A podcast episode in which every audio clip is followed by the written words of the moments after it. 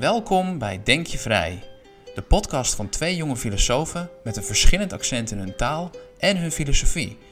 De een is Nederlander en uit de continentale traditie, de ander Belg en van analytische overtuiging. In hun botsing komt allicht niet de absolute waarheid aan het licht, maar in het denken zijn ze vrij. Hey Alwin. Hey Jens. Zeg eens, uh, kerst komt eraan hè? Ja. Zeg, en, en, wat betekent dat nu eigenlijk voor u kerstmis? Is dat een, een leuk samen zijn met familie en geliefden? Of gaat het uh, over de traditie en misschien zelfs ja, de religieuze betekenis? Of, of is het eerder een ja, platvloerse commerciële bezigheid? Hmm, ja, ik denk dat het ergens tussenin ligt. Het gaat zeker om het samen zijn met familie. Maar het gaat ook zeker om de cadeautjes en al het lekkere eten. Dus uh, ik ben er zeker schuldig van dat ik echt een uh, consumerende kerstvierder ben. Ja, oké. Okay. Nee, heel goed. Um, ja, naar aanleiding dus van kerst gaan we het dus vandaag hebben over mythes, rituelen en tradities, meer in het algemeen. En ik dacht om dan toch uh, eerst te beginnen met kerstmis zelf, uh, om een, een, korte geschiedenis te geven van kerstmis. En waaruit we misschien al een aantal uh, ja, filosofische zaken zouden kunnen leren. Lijkt me een mooi plan. Dus in het begin, voor het christelijke, het christendom, in deze contraien aankwam, waren er al veel heidense of paganistische gebruiken omtrent ja, 25 december, althans eind van het jaar. En uh, dat was voornamelijk om het vieren van de kortste dag van het jaar, hè, dus de, de wintersolstice. Wat een, een, belangrijk psychologisch keerpunt is in het jaar, hè, in, de seizoenen. Het geeft ook aan hoe nauw de, de mens uh, en, het, en het leven met de natuur verbonden was. Dat wij ons, ons zodanig uh, druk moesten maken om de lengte van de dagen. Dat is al wel interessant. Uh, de Romeinen vierden ook een, een, een, feest rond deze tijd van het jaar, Saturnalia, het feest van de god Saturnus, dat is de god van de agricultuur. En interessant hierbij was dat men eigenlijk de, de normale sociale orde voor één maand zou omkeren. Dus waar slaven en, of meesters worden en meesters uh, hun slaven dienden. Ja. Uh, en dat is misschien wel een soort van gebruik dat belangrijk zou kunnen zijn bij maatschappijen waar echt een structurele ongelijkheid aanwezig is, om dat psychologisch leefbaar te houden. Want dat werd ook gedaan in, uh, rond kerstmis in de Europese middeleeuwen, dus wanneer het al uh, christelijk gebruik werd, uh, om dus de lagere sociale klassen, die mochten dan thuis binnentreden bij de hogere klasses en het eten en, en drank consumeren daarvan. En dat werd aanzien als een, ja, dat mocht in die tijd, als een soort van sociale schuld die wordt afgelost door de hogere klasses aan de lagere klasses. Dat missen we Wat vandaag de dag.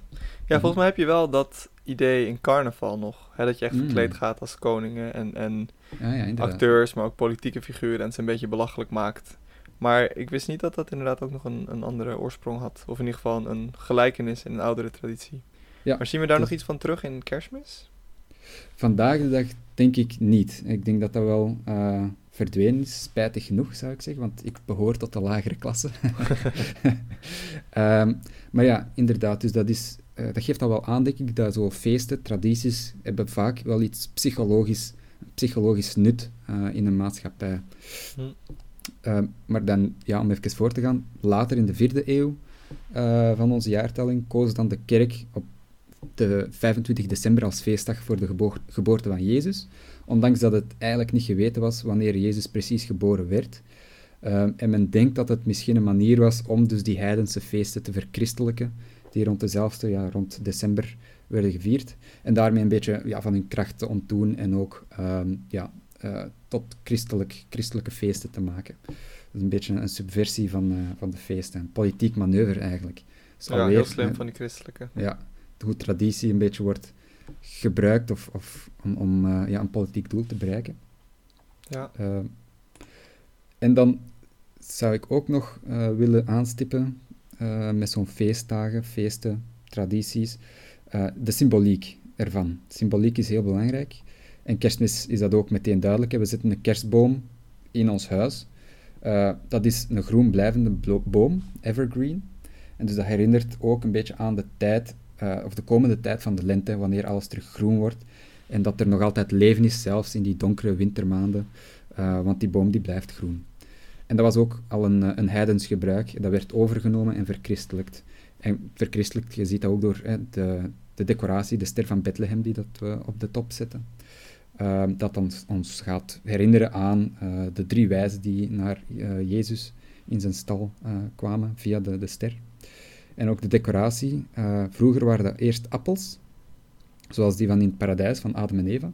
En dan werden dat kerstballen, bijvoorbeeld.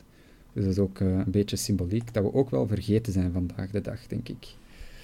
Ehm, en een laatste stuk misschien, ja, de kerstman. Hè. Dat is een verbastering eigenlijk van Sint-Nicolaas, dus onze Sinterklaas. Eh, die via Nederlandse migranten naar Amerika werd gebracht. En dan via een gedicht, uh, ergens in de 19e eeuw denk ik, werd er dan de, de lachende man die op uh, een slee door de nacht cadeaus kwam brengen. En dan natuurlijk via Coca-Cola, dan is daar nog een schepje bovenop gedaan. En dan denk ik dat ook een, nog een belangrijk aspect aan bod komt, namelijk die commercialisatie van traditie. Dat is ook iets dat we vandaag heel erg zien. Hè? Ja, ja, oké. dus ik dat, als ik dat kort, kort, kan samenvatten, dan zeg je dus inderdaad: oké, het was een heidense traditie. Die is daarna verchristelijkt. En daarna zie je inderdaad dat er ook nog een commercieel element aankomt. Via Coca-Cola, maar natuurlijk ook hedendaags via het consumentisme. En dat eigenlijk waar kerstmis om gaat, um, in ieder geval zo wordt als dat voorgeschoteld door reclames, et cetera. Gaat om cadeautjes kopen en elkaar gelukkig maken met ja, spulletjes.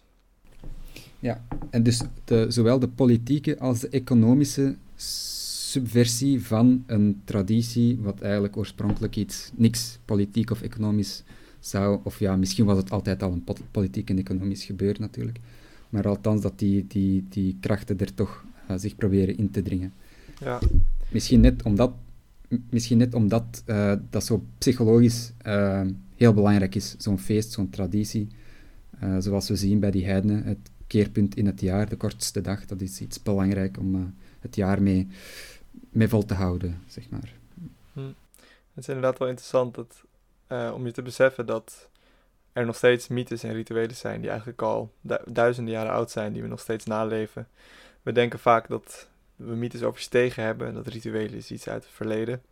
Maar we hebben zelf nog ontzettend veel rituelen die we naleven. Hmm. Maar als je dan inderdaad kijkt naar de betekenis die ze ons oorspronkelijk hadden, dan zijn we daar nu toch wel echt ver van verwijderd. En dat ze misschien echt wel niet meer dezelfde functie dienen als ze dat ooit gedaan hebben. Mhm. Dat is misschien ook wel een kenmerk aan alle tradities, mythes en rituelen. Ze, ze zijn continu veranderend en passen zich aan aan de, de context van de dag. Uh, de omgeving die verandert, de, de situaties waar mensen zich in bevinden, die veranderen continu. En dus moet een traditie, moet een levende traditie zijn. Het moet uh, mee evolueren met de tijd. Ja. ja, we zien natuurlijk ook nog andere symboliek en uh, ritualistische elementen in kerst, maar eigenlijk ook in de, de Nederlandse variant daarvan, van Sinterklaas. Wat natuurlijk inderdaad ten dele de oorsprong is van de hedendaagse kerstman. Als je bijvoorbeeld kijkt naar de schoorsteen. Het schijnt dat uh, voor veel culturen dit aanvankelijk een verbinding was met het goddelijke. In de zin hmm. dat um, dit is waar de warmte en de bescherming van het huis vandaan kwam. Uh, dus de veiligheid van het huis centreerde zich om het vuur wat, in de wat, wat natuurlijk onder de schoorsteen uh, gemaakt werd. En dat is inderdaad ook de bescherming en de warmte via de schoorsteen van het goddelijke het huis binnenkwam. Mm En dat is precies ook waar nu dan de kerstman of de Sinterklaas de cadeautjes doorheen naar binnen brengt. Um, Vaak laten mensen ook een wortel achter voor het paard van Sinterklaas. In Ierland zie je bijvoorbeeld dat ze een, een pintje Guinness uh, bij het vuur zetten voor Sinterklaas of voor de kerstman als hij langs geweest is. dus er zijn inderdaad tradities van een soort van ja, bedankje bieden aan het goddelijke of in, dit, in, deze, keer, in deze zin. Um, ja, het is natuurlijk een sint, dus het is een heilige. Uiteindelijk is dat natuurlijk gecommercialiseerd naar de kerstman, die nog wel een verbindenis heeft aan, aan het uh, christendom, maar ik denk dat voor veel mensen het niet echt meer die significantie heeft. Maar nog steeds wel inderdaad die tradities die zijn blijven hangen. Ja, dat, dat doet me herinneren aan uh, Mircea Eliade. Daar hebben we het nogal eens over gehad uh, in deze podcast. En die dat we beiden ook hebben geleden. Uh, inderdaad, die, die haard, de, de schoorsteen. hij verwijst daar ook naar, of, of hij vertelt dat dat ook vaak verwezen wordt naar zoiets als in, in verschillende religies als de navel van de wereld. Mm. Dat vond ik een hele interessante uitspraak de navel van de wereld. Zoals ook tempels, dat zijn plaatsen waar het heilige, het transcendente, in, het, in de immanente wereld openkomt, openbreekt. Ik denk dat hij dat hier, hierofanie uh, als, als hierofanie uh, bespreekt of, of termt. Um, en dat verwijst dan ook naar in de mythes dan de, de, waar de heilige acties hebben plaatsgevonden en waar dat die worden gereconstrueerd of opnieuw uitgebeeld, zoals de cosmogenese, wanneer, waar, toen de goden, weet ik veel, een of andere draak hebben kapot gemaakt en het bloed kwam de mens enzovoort. Dan neemt altijd vage, vage betekenissen aan, maar uh, ja, dus de haard als een soort van ja, kern waar, de, waar het heilige ook binnenbreekt in, in de wereld. Ja, en, uh, ja. heel interessant is dat inderdaad. Ja, dus zelfs als we hier inderdaad het christendom en daarmee kerstmis als startpunt nemen, zien we dat er bepaalde principes zijn die in, in vele andere mythes ook voorkomen. En ik denk dat een veel verstaand of veel voorkomend element wat je ziet is inderdaad die verbinding tussen het heilige en het, en het niet heilige, of het sacrale en mhm. het profane. Ja, dus het gaat er inderdaad vaak over hoe kunnen we het alledaagse, het materiële, ehm, verhevenen, verheffen tot iets wat meer betekenis heeft, meer zin heeft, mhm. een verbinding heeft tot het heilige, tot het goddelijke. En daardoor ja, het alledaagse overstijgt en, en iets van zin creëert. Mhm. En ik denk dat veel mythes ehm, ja, streven naar het soort van vinden van het sacrale en dat ja, vastleggen in, in culturele vormen. En dat rituelen dan een vorm zijn om dat tot handeling te verwerken. Hè, dus christendom, of, uh, sorry, kerstmis is één keer per jaar. En er zijn bepaalde ja, ritualistische handelingen, dus handelingen die ongeveer hetzelfde zijn ieder jaar. En daardoor krijg je inderdaad die verbinding door die traditie, door steeds hetzelfde te doen. Ehm, ja, door die handeling maak je die, die mythe, die geloofsovertuiging tot iets werkelijks. Ja, tot teruggelevend eigenlijk. Het, het nieuw representeren van...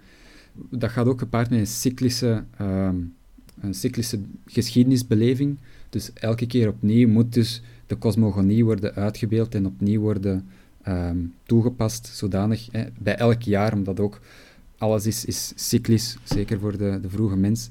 Uh, zoals de seizoenen laten dat zien, uh, de, de maan die telkens weer uh, terugkomt en terug verdwijnt. in zo van die zaken. Ja, en ja, dat is wel heel interessant. Ook dat profane, dat sacrale. En de dag van vandaag, de, de moderne mens, leeft in een profane wereld. Hè, dus nergens komt meer echt het, sacrale binnengekomen. en dat kan, want het sacrale, of die plaats waar het sacrale binnenkomt, dat kan een soort van centrum van de wereld zijn en ons oriënteren op, zingevend, uh, op een zingevende manier in de wereld. Uh, als alles profaan is, dan hebben we niks, nergens is een plek van betekenis, althans toch niet uitgesproken, want persoonlijk zijn er altijd wel plekken van betekenis, hè, maar niet meer op een soort van collectief niveau dat gedeeld wordt door iedereen in, in uw cultuur. dus dat is misschien wel een, een verlies dat we hebben. Ja. Is, het, is het zo misschien dat we in het algemeen in de moderniteit veel tradities, mythes en rituelen verloren zijn? Ik denk dat dat wel een, kenmerk is van moderniteit. Ja, ik, ik, denk zeker van wel, ja. Zoals ik net al zei, ik denk dat veel van ons in de overtuiging zijn dat we niet echt meer mythes hebben of niet echt meer rituelen naleven, maar dat dat een overwinning is, dat dat iets goeds is. Omdat mm mythes achterhaald zijn, dat rituelen ja, een soort van iets archaïs hebben en dat we er eigenlijk niets mee verloren hebben. Ik denk in zekere zin dat er nog steeds wel echt mythes zijn. Uh, daar kunnen we misschien later over hebben, wat dan de moderne vormen van mythes zijn. Mm. Maar ik denk dat het zeker ook wel waar is dat we heel veel achter ons hebben gelaten, wat heel veel zekerheid bood. In de zin dat ik denk dat een, een mythe, maar ook inderdaad die rituelen, zoals je zegt, een bepaalde vorm van ja, ankerpunt bieden, waar rond je je leven kan oriënteren. Ehm, dus het is inderdaad dat, dat zwaartepunt waar rond je kan, de, de wereld komt te begrijpen. Door dat sacrale te hebben, kan je inderdaad die, ja, die betekenis uit de werkelijkheid putten. En dat profane, uh, overstijgen. Dus ik denk in zekere zin is ja, de natuur ehm, totaal onverschillig voor het menselijk leven, voor het mhm, menselijk lijden, voor het menselijk overlijden.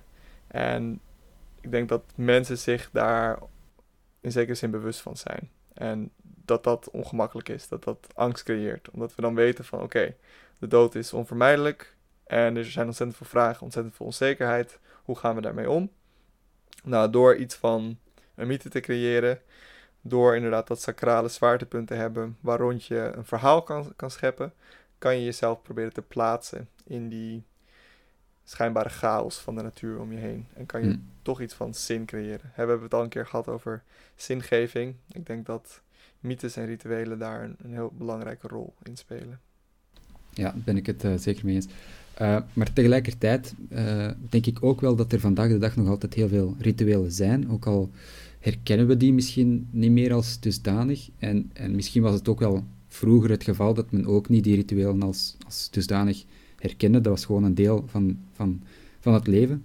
Ja. Ehm, en, dan, en dan denk ik bijvoorbeeld aan een diploma-uitreiking. Dat is ook iets ritualistisch, iets traditioneel. Hè. Het is een, een, een sluitstuk uh, van uw onderwijs. En dat is ook mede een beetje de, de functie van een ritueel. Uh, houvast, of, of, of althans um, een soort van psychologisch sluitstuk of mentaal een hoofdstuk kunnen afsluiten, hier dan in het onderwijs, en dan ook een nieuw kunnen maken. Ja. Um, dus het, het hoort bij een soort van een houvast of structuur aanbieden via een routinematige handeling, of althans een, een gestructureerde handeling, zoals een diploma-uitreiking of uh, ja, een begrafenis bijvoorbeeld. Dat is ook een sluitstuk van het leven van de mens. En ons, uh, we kennen die mens, we kenden die mens, en dus we moeten daar uh, afscheid van nemen en dat hoofdstuk sluiten en een volgend beginnen. En ik denk dat rituelen vaak horen bij het begin en het einde van een zaak, van iets of een persoon. Uh, ja, als psychologisch een scheiding te kunnen uh, af te bakenen uh, op die manier. Ja, dus het helpt ons inderdaad om het leven op te delen in ja, betekenisvolle gebeurtenissen, maar ook fases inderdaad. Dus je zegt van oké, ik heb nu mijn jeugd afgesloten, dus ik ga inderdaad een, studie kiezen of een keer op reis. Ik heb mijn studie afgerond, ik heb nu inderdaad een diploma-uitreiking. En dan heb ik iets bereikt en dan kan ik iets nieuws beginnen. En het geeft inderdaad een soort van psychologische ehm, rust hmm. om zo te kunnen afsluiten en inderdaad op een ritualistische manier met iedereen ehm, waarmee je daar doorheen bent gegaan, daar een einde aan te brengen. Ja, en het maakt ook kenbaar aan uh, mensen in je omgeving dat jij... ik heb nu een diploma, kijk, dat is een gewoon stom blad, platje papier, maar het symboliseert ook iets en het maakt kenbaar aan, aan je omgeving uh, wie je zijt ten deel. Hè, want je hebt ook veel initiatierituelen ja. in, uh, in meer traditionele gemeenschappen, waar dat een jongen dan een man wordt na die initiatie, wat eigenlijk maar misschien één dag is. Maar de dag ervoor was hij nog een jongen, de dag daarna is hij plots een man, plots allemaal ja, verschillende verantwoordelijkheden komen er dan bij. Uh, andere rechten, andere plichten. En dan maakt het ook kenbaar aan, aan de omgeving, aan nu is een man, nu kan ik hem meepakken naar de jacht of, of weet ik veel. Ja, ja. ja in zekere zin um, hunkeren we volgens mij nog steeds naar dat soort rituelen. Ik kan bijvoorbeeld denken aan het eerste pilsje of het eerste keer dat je met een mhm, vrouw slaapt of zo. We zoeken nog steeds naar die, naar die gebeurtenissen die een bepaalde significantie dragen, waardoor we kunnen zeggen: Oké, nu ben ik een man geworden. Of oké, nu ben ik volwassen. Of nu kan ik uh, deze fase in mijn leven beginnen. Dus ik denk dat inderdaad die honger er sowieso wel is, maar dat rituelen daar gewoon op een slimme manier op inspelen. Hm. En dat is dan eigenlijk puur psychologisch. Is dat de kern van zoiets, van een ritueel? Um, ik ja, ik denk dat het in het beginsel psychologisch is, maar dat het, dat het ook een diep sociaal aspect heeft. Dat het heel lastig is mhm. om een, om een ritueel volledig op je, in je eentje vast te houden. Ja, klopt, ja. Want ja, onze psychologie is ook natuurlijk uh, sociaal ingegeven op die manier. Hmm. Ja. Hm. Ehm, en dan, ik dacht uh, over mythes. Wat is een mythe? Uh, voor mij, ik zou zeggen, een, een soort van dichterlijke of metaforische vertelling met een achterliggende moraal of wijsheid. Dat is hmm. mijn beste. Ja, dat lijkt me een mooie definitie inderdaad. Ik heb niet zo'n mooie definitie kunnen vinden. Ik heb wel drie kenmerken opgeschreven, omdat ik denk mhm. dat het heel lastig is om één uitsluitende definitie voor mythes te vinden, omdat het simpelweg een ontzettend brede term is. Mhm. Mm, dat is dan ook mijn eerste kenmerk, dat het ontzettend breed is en daardoor heel lastig is om ja, dat echt helemaal nauw te definiëren. Wat we wel kunnen zeggen, ten tweede, is dat het vaak gebruik maakt van beelden, figuren en karakters. Dus dat het inderdaad een, uh, ja, verhaalvorming is die zich niet per se alleen beroept op ja, droge tekst, concepten, ideeën, maar echt van beeldvorming, metaforen, dat soort dingen gebruik maakt om een bepaalde boodschap over te brengen. En inderdaad, de derde, aanschap, uh, derde eigenschap is dat het inderdaad een narratiefvorming is, waarin centraal staat dat het de plek van de mens in de wereld weet te beschrijven. Ehm, ja, we hebben het volgens mij ook wel eens over Jordan Peterson gehad. Een beetje mhm. een uh, gevoelig onderwerp natuurlijk. en ik denk dat we niet um, recht kunnen doen aan het onderwerp zonder daar misschien wat langer bij stil te staan. anyway, een van de dingen die hij zegt is dat we van chaos naar orde bewegen. Mhm. En dat we inderdaad steeds zoeken naar manieren om de chaos, de inherente chaos van de natuur ordelijk te maken. En ik denk dat dat, ja, tot dat punt heeft hij een punt. Mhm. Ehm, en de manier waarop we inderdaad die chaos ordelijk proberen te maken, als je kijkt naar veel oorspronkelijke mythes in heel veel verschillende culturen, eh, dat doen we door, ja, door, door mythes te creëren. Hè, dus we worden geconfronteerd met ontzettend veel angst en onzekerheid in de natuur. Er zijn tornado's, stormen, er zijn ziektes, allemaal verschrikkelijke onverklaarbare dingen. Maar door een mythe te creëren, mm, kunnen we die chaos beschrijfelijk maken en zeggen van oké, dit is onze plek in de wereld, dit is waarom we hier zijn, dit is waarom er allemaal nare dingen gebeuren en dit is hoe we het best kunnen handelen. En dat biedt gewoon ontzettend veel houvast. Dus ik denk dat dat een soort van de functie is van mythe. Ja, ja ik had ook als doel uh, opgeschreven, het is eigenlijk drieledig zou ik zeggen. Het is inderdaad de wereld begrijpen en verklaren enerzijds, maar ook beheersen. Uh, of althans, ja, de, de misschien illusie uh, van beheersing, althans in, inculkeren. en dat is denk ik wat we vandaag de rol van wetenschap en techniek zouden aanzien. Het begrijp verklaren enerzijds en ook beheersen anderzijds. Maar mythe heeft ook nog een, een rol als zingeving, zingeving um, dus het plaatsen van de mens in een narratief en zo toelaten om psychologisch grip te krijgen op rampen en voorspoed. En, uh, en zo de wereld psychologisch een beetje te kunnen beheersen, controleren. Uh, dus ook de rol van meer nauw gedefinieerde religie of spiritualiteit. Dus die mythe zou misschien al die verschillende rollen kunnen vervullen, ten dele. En vandaar is dan misschien ook de kracht wel van mythe, dat het net al die verschillende rollen in één groot narratief verhaal kan brengen. En vandaar dat uh, ja, de kracht van, van mythe heel lang in de geschiedenis en tot vandaag nog uh, ook. Ja, ik denk dat je daar iets heel interessants zegt inderdaad, wat met, met betrekking tot de wetenschap. Want in zekere zin zijn mythes natuurlijk een poging om de werkelijkheid te verklaren.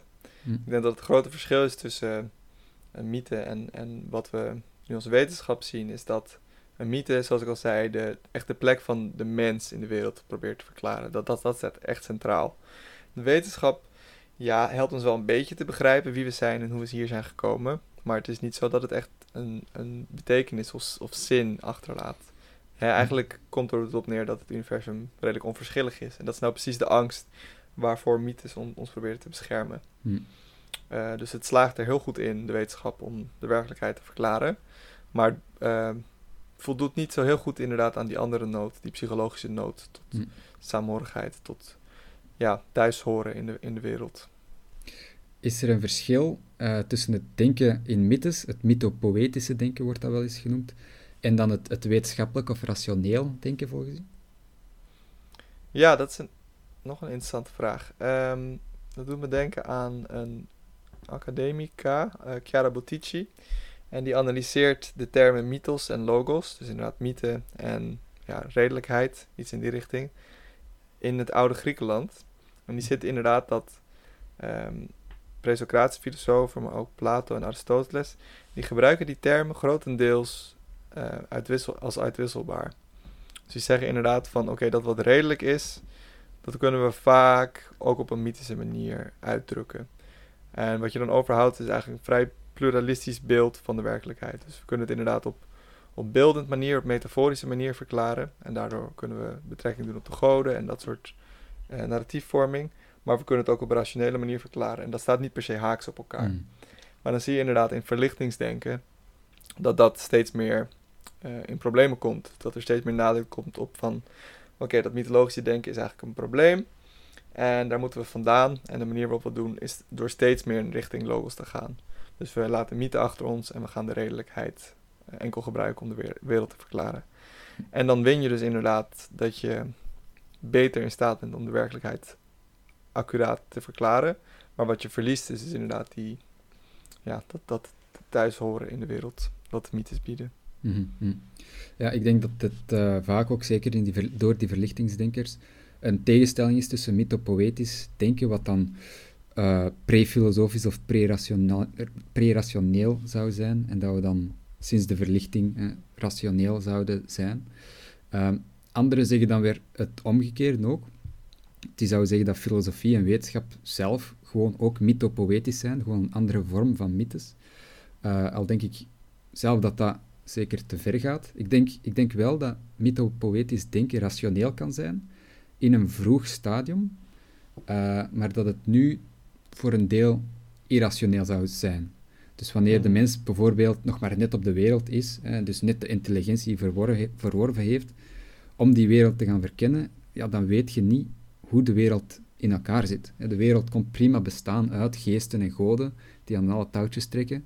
En dan houdt het zeker steek om dan die geesten en goden te gaan aanbieden en offeringen te geven, zodat ze goed gezind zijn.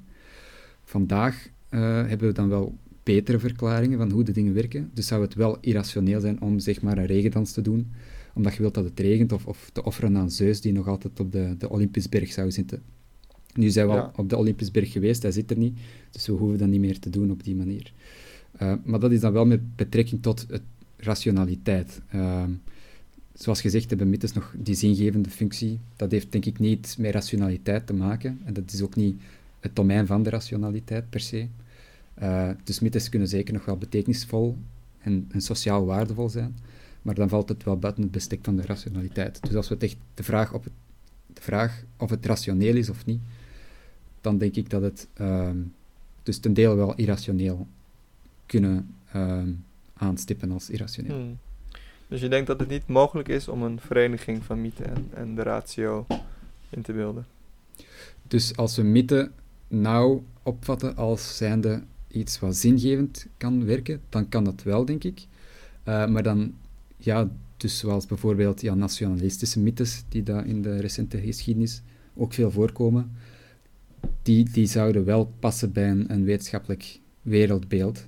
Hmm. Uh, maar mythe als verklaring van uh, de wereld lijkt mij minder, of toch in tegenstelling te zijn tot, tot wetenschappelijke verklaringen. Over het Daarmee impliceer je dus eigenlijk dat, dat um, wetenschappelijke verklaringen rationeel zijn, maar daardoor dat ook eigenlijk wetenschap geen mythische elementen heeft. Um, in de ideale vorm, ja, maar we weten in de praktijk is dat natuurlijk uh, zeker niet zo. Maar ja. Nee. nee, ik denk dat er zeker wel mythische elementen zijn in de wetenschap. Dat die mhm. misschien minder sterk zijn dan dat vroeger zo geweest is, maar dat die elementen er zeker nog zijn. Ja, Bijvoorbeeld aannames dat uh, de hele kosmos als een, als een mechanisch iets werkt en dat dat door, daardoor meetbaar en weetbaar is. Um, een nuttige aanname, maar niet per se een aanname die, ja, ik weet niet, op bewijs gegrond is. Je kan best op, basis van andere aanname um, je wetenschap beginnen. Um, dus ik denk dat dat al, ja, als niet mythisch in ieder geval, irrationele grondslag kan hebben. Mm Oké, op die manier, ja, dat is waar. Maar als we dan nadenken over de echte archetypische mythes, zoals die van uh, Homerus bijvoorbeeld, zo'n zaken, waar dat er verklaringen worden aangeboden, die dat we vandaag niet meer aanzien als, als goede verklaringen. Ja. Als we die nog steeds geloven, vandaag, dat zou ik als irrationeel aanduiden. Maar het is wel zo dat er ook in, in, in wetenschap ongegronde aannames zijn die dat we ook, ja, dat zou je ook als, als mythe kunnen aanduiden. Uh, maar ik denk dat we dan toch de term mythe niet, niet geheel strikt uh, gebruiken. Maar, ja. Nee, ik denk dat je daar inderdaad gelijk in hebt. Uh, wel denk ik dat, um, ja, dus inderdaad dat het idee dat mythe een poging is tot de werkelijkheid verklaren en dat, dat het daardoor ja, eigenlijk ontkracht is omdat wetenschap aantoont dat veel van die mythische verklaringen helemaal nergens op slaan. Dan reduceer je denk ik toch mythes inderdaad echt tot die poging tot de wereld verklaren. Ja, ja dat doen ze. Maar als je hmm. inderdaad zegt van, ja, laten we de Griekse mythe als voorbeeld nemen. We hebben eerst de titanen die, die gevormd zijn uit, uit de pure chaos van de zee. En uiteindelijk zijn die, die titanen ook te wild en te agressief. En daar komen dan de goden uit voort. En de goden brengen dan de orde op de, op de wereld met de mensen. En zo komen we van steeds chaotischer naar steeds harmonieuzer bestaan. De vraag is of je dat inderdaad echt als een objectieve waarheidsclaim moet zien. is, is daar echt het geloof van, oké, dit is precies hoe het gebeurde? En ik denk zeker dat dat, wat, dat is wat er gebeurt met religie. Dat mensen inderdaad gaan denken, oké, dit is echt een objectieve waarheidsclaim. Dit moeten we voor waar aannemen. Maar ik denk dat het nuttiger is om dat functioneel te bekijken. En dan is inderdaad de vraag van, oké, waarom zou je zo'n verhaal vertellen? En dat is omdat, omdat het psychologisch gewoon heel fijn is om zo'n verhaal aan te nemen. En dat dat inderdaad dan een vraag is die de wetenschap niet weet Mhm. eh, te, te beantwoorden. Is het dan de vraag eh, of, of we mythe als een allegorie moeten zien of als een, eh, een metafoor, eerder dan iets, iets letterlijk eh, te interpreteren? Ja, Ik weet niet of dat historisch, eh, of dat de Grieken werkelijk dachten, ah, ik denk dat ze werkelijk wel dachten dat de titanen enzovoort ja daar iets vast. mee te maken hadden. Maar vandaag kunnen we dat wel meer nadruk leggen op de allegorische betekenis van die verhalen, ja. Zeker, dat is natuurlijk ook altijd het ding. Als je in een mythe zit, dan is dat gewoon je hor- horizon van de werkelijkheid. Het is alleen Mm. als je hem van een afstand kan bekijken dat je ziet dat dat enkel een verhaal is en dat het ook anders had kunnen zijn. Maar eh, Ja, dat is ook belangrijk en daar eh, legt Jordan Peterson ook vaak de nadruk op. Ja, die allegorische of de betekenis achter de mythe, achter het verhaal, ook achter de vele verhalen in de Bijbel enzovoort. Ehm, wat dat betekent voor ons als mens, ehm, de symboliek daarachter, ehm, het verhaal van de held. Hè, en dus het archetypische verhaal dat er een, ja, een, een, een uitdaging komt en je moet dan to rise to the occasion. En dat is iets dat we in ons eigen leven ook moeten eh, herkennen en, en toepassen. En op die manier kan een mythe ook hulp bieden aan ons leven via die symboliek, maar dan is het ook vooral de allegorische of metaforische betekenis en niet zozeer de letterlijke. ja, ja daar Mm. zit wat in. Ehm, en dan de traditie. Ehm, dat zou ik als gewoon een, overgeleverde wijze van doen en leven karakteriseren. En ik denk dat we dat politiek ook kunnen interpreteren. Eh, politieke tradities bijvoorbeeld en instellingen eh, zijn overgeleverd doorheen de tijd. En in die zin kunnen we dan stellen dat het centraal idee achter politiek conservatisme, in tegenstelling tot progressivisme of progressieve, is dat dan tradities een zekere wijsheid herbergen, omdat ze een sociale orde hebben bestendigd en zo de tand destijds hebben doorstaan.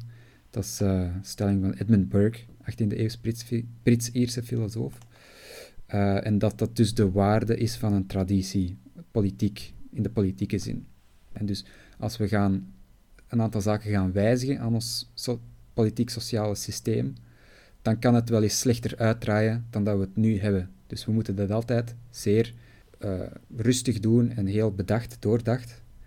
Terwijl dat progressivisten, progressieven zeggen, wel, de sociale orde is niet rechtvaardig, dat is belangrijker, dus we moeten die wijzigen met eh, mogelijk risico op dat we een slechtere, chaotischere sociale orde creëren. Eh, en dat is een beetje de tegenstelling tussen conservatieve en progressieve. Eh, waar hecht men meer belang aan? Ja. Dus in die zin zou je zeggen dat een, iemand die conservatieve neigingen heeft, eerder vast zou houden aan bestaande mythes en, en rituelen. Omdat die toch Mhm. inderdaad die culturele houvast bieden. En een progressieve zegt, ja, maar misschien dienen die rituelen en die tradities ons wel helemaal niet meer. Dus laten we ons vooral kritisch opstellen tegenover die tradities en kijken of, eh, of het misschien ook anders kan. Ja, klopt, ja. Ehm, dus ja, of dat de sociale orde die door zo'n traditie eh, wordt ingesteld, of dat die wel rechtvaardig is of niet. Degene in de, de bevoorrechte klasse zal zeggen van ja, we moeten natuurlijk traditie in ere houden, maar ja, dat is omdat zij ook wel baat hebben bij die traditie misschien. Terwijl degenen die in de, ja, de onderdrukte klasse zitten, die zullen eerder progressief zijn en de nadruk leggen op de noodzaak dat die sociale orde rechtvaardig moet zijn voor iedereen. En die zullen die willen wijzigen. Ja. Waar val jij op het spectrum? Ah, ehm, ik zou in het midden vallen. Ik, ik denk dat ik de noodzaak van beide wel zie. Ik zou, ik zou zeker niet... Ja, het midden is altijd zo'n stomme positie, maar ehm, ik denk dat ik eerder op het midden... Eh, een verhaal, of ja, verhaal. Eh, ik ging recent luisteren naar een lezing, eh, of ja, een conversatie eigenlijk, met Isabel Stengers, dat is een wetenschapsfilosoof, Belgische. En ja, een eh, Marisol de la Cadena, eh, een etnografe van inheemse culturen van de Andes. En het ging er nogal postmodernistisch aan toe. Eh, dus het was echt met de nadruk op het doorbreken van onze overgeleverde manieren van denken en handelen, die dan wel kolonialistisch en patriarchaal zouden zijn. Hè. Dus wat hun filosofie is, het postmodernisme in het algemeen, denk ik, eh, ze willen andere manieren van denken aanreiken die culturele categorieën en normen doorbreken, om zo dus plaats te maken voor de anderen, met hoofdletter A. dus zij die niet in die categorieën passen of voldoen aan de normen en daarmee dus onrecht worden aangedaan. En het viel mij op dat dat soort filosofie, postmodernisme, is dus zo van nature links-progressief, net omdat het dus categorieën en normen aanziet als iets wat voor verbetering vatbaar is, hè, in tegenstelling tot ja, de waarde van de gevestigde categorieën en normen als structuurgevend aan de maatschappij. Dus het, het rechtvaardigheidsgevoel primeert in de filosofische stroming, wat zelf eigenlijk ook misschien een traditie is, ehm, in tegenstelling tot ja, het conservatieve gevoel. Dus, dus, postmodernisme is, denk ik, uitgesproken politiek of politiek geladen filosofie. Terwijl ik zelf denk, ja oké, die categorieën die kunnen onrechtvaardig zijn, correct, maar zonder enig gedeelde categorieën kun je elkaar ook niet begrijpen.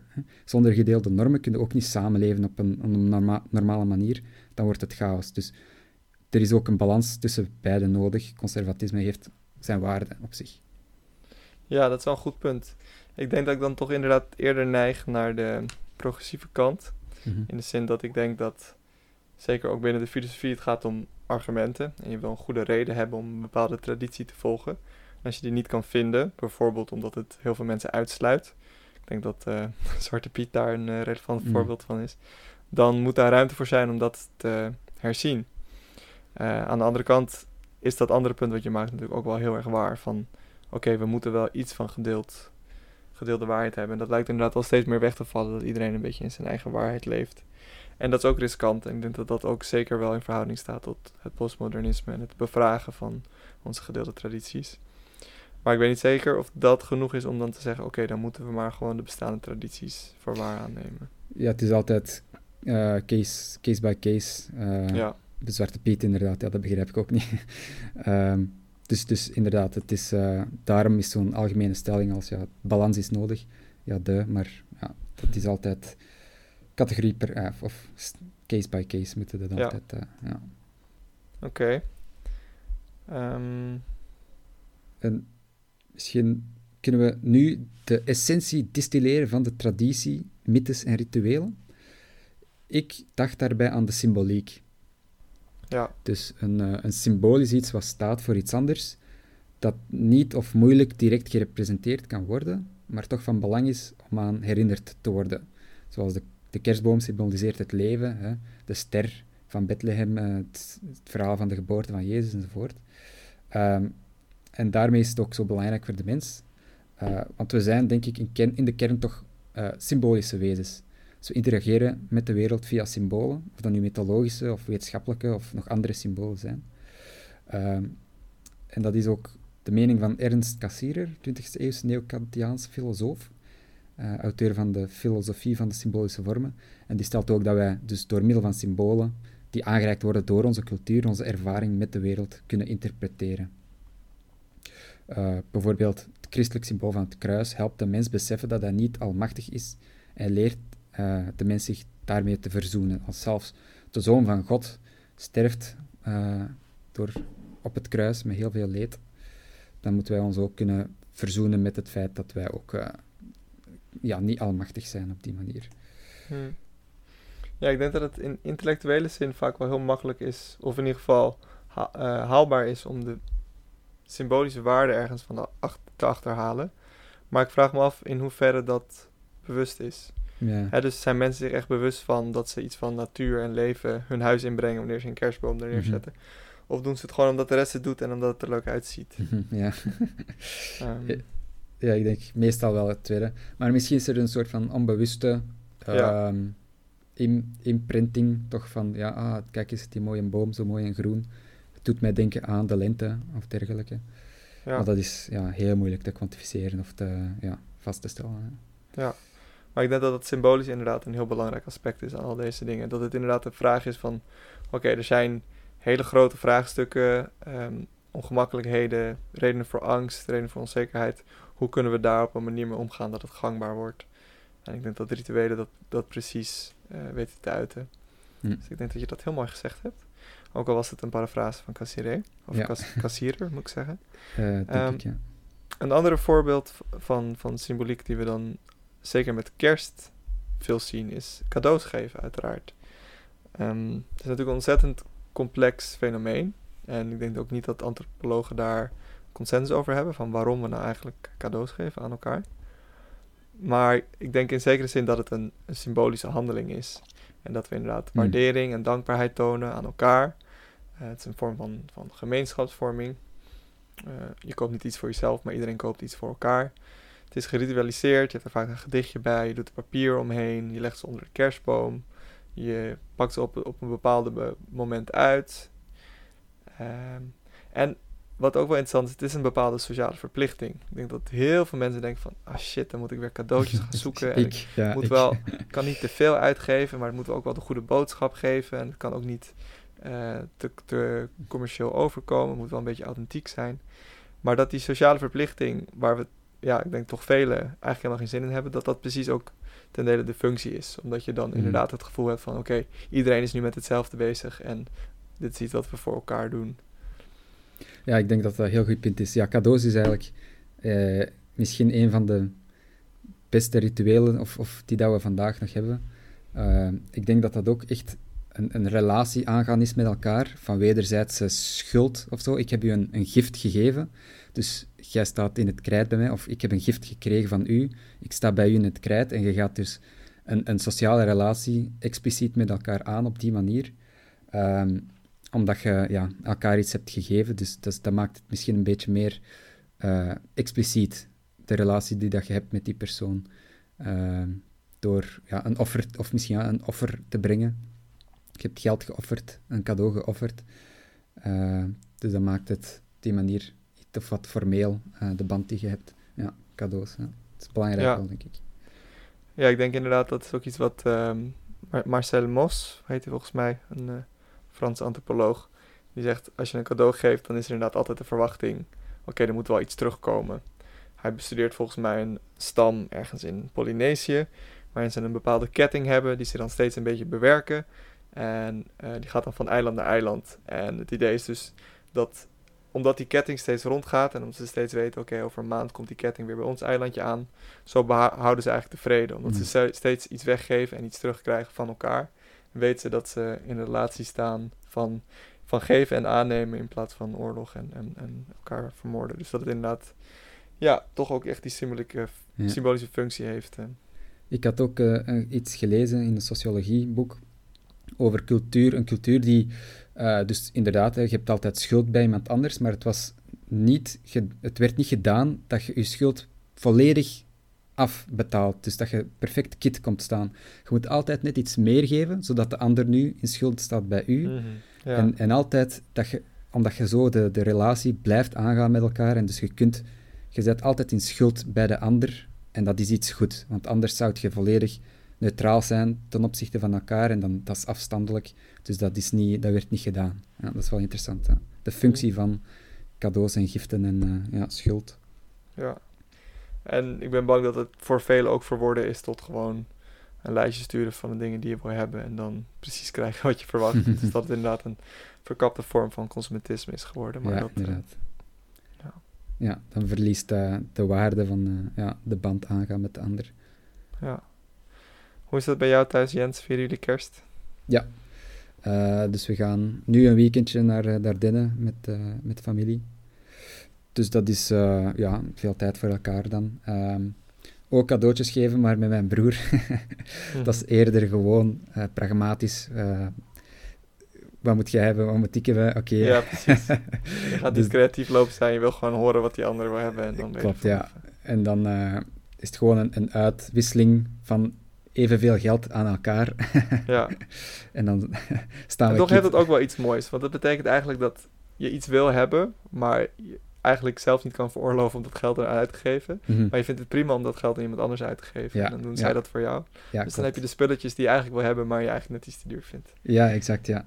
Dus die dat je, je wordt, ja, je moet, je, je, je koopt het, maar dan via een omge... Ja, psychologisch maakt het dat makkelijker misschien, of zo. Ja. dat is grappig. Ja, in de zekere zin is dat natuurlijk ook wel beter dan gewoon troep kopen voor elkaar, Mhm. die je niet wil hebben. Ja, klopt, ja. En bij jullie kerst? Hoe doen jullie dat? Ja, ik, eh, ik vier kerst met mijn moeder, die is Zweeds, dus eh, we doen het nog op de paganistische manier. We zijn nog eh, heidens bezig. Nee, het is inderdaad heel veel traditioneel eten, cadeautjes uitpakken en gedichtjes en ja, de hele shebang. Gedicht is, ja, jij schrijft ook nog gedichten? Ja, dat is wel het idee. Ah, oké. ik heb eh, geen eh, geld voor cadeautjes dit jaar, dus het worden allemaal gedichten voor iedereen. Oh, wauw, mij. Dat is nog een veel grotere moeite dat je dan nog moet doen. Amai. ja, dat is... eh, zo, zo moet het overkomen in ieder geval. Ja, ja. Alsof het een grote moeite is. Oké. Alright, nou Mooi. kunnen we dan zeggen dat kerst nu nog een hele mooie traditie is met ritualistische aspecten die ons verbindt aan een kosmologische mythe? Of is het echt toch vooral een uitdrukking van kapitalisme en consumentisme? Ik denk, zoals jij al in het begin zei, het is iets van beide. Maar ik denk zeker niet dat we het gewoon kunnen reduceren tot eh, kapitalistische, consumentistische bedoeling. Het- er zit nog wel een element van eh, samen zijn en ritueel in. Eh, ik denk dat dat onmiskenbaar is. Dus we zijn het nog niet helemaal kwijt. Er is nog een beetje hoop voor de rituelen die we Ja. tot stand houden. Ik denk dat het bij de mens hoort, dus ik denk niet dat we er ooit van afkomen van rituelen. Gelukkig maar. Misschien wel ja. Nou, dat is een hartwarmende gedachte, zo vlak voor kerst, Jens. een, een kerstgedachte, echt, voor eh, mee af te sluiten. Mooi. Zou je bijna zeggen.